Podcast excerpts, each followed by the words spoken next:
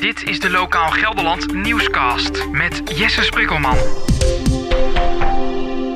De herfst is weer begonnen en dan is de vraag ook altijd: wat gaat deze herfst ons eh, brengen?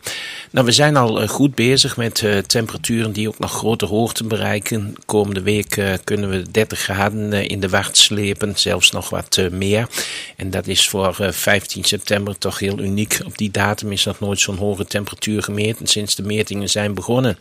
Daarna gaat het wat bergafwaarts qua temperatuur naar meer normale waarden later in de week. Maar het laatste weekend, een van de laatste weekenden van september, dan gaan de temperaturen toch weer wat omhoog. Die gaan weer meer richting de 25 graden.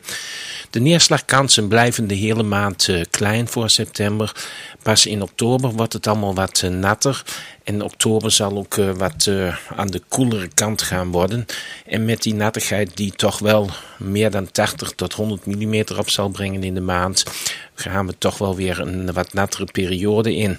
Maar na de nattigheid komt vaak ook uh, koude. En die koude die kunnen we dan in november weer verwachten. Dan zullen de temperaturen gemiddeld wat lager liggen dan normaal voor de tijd van het jaar.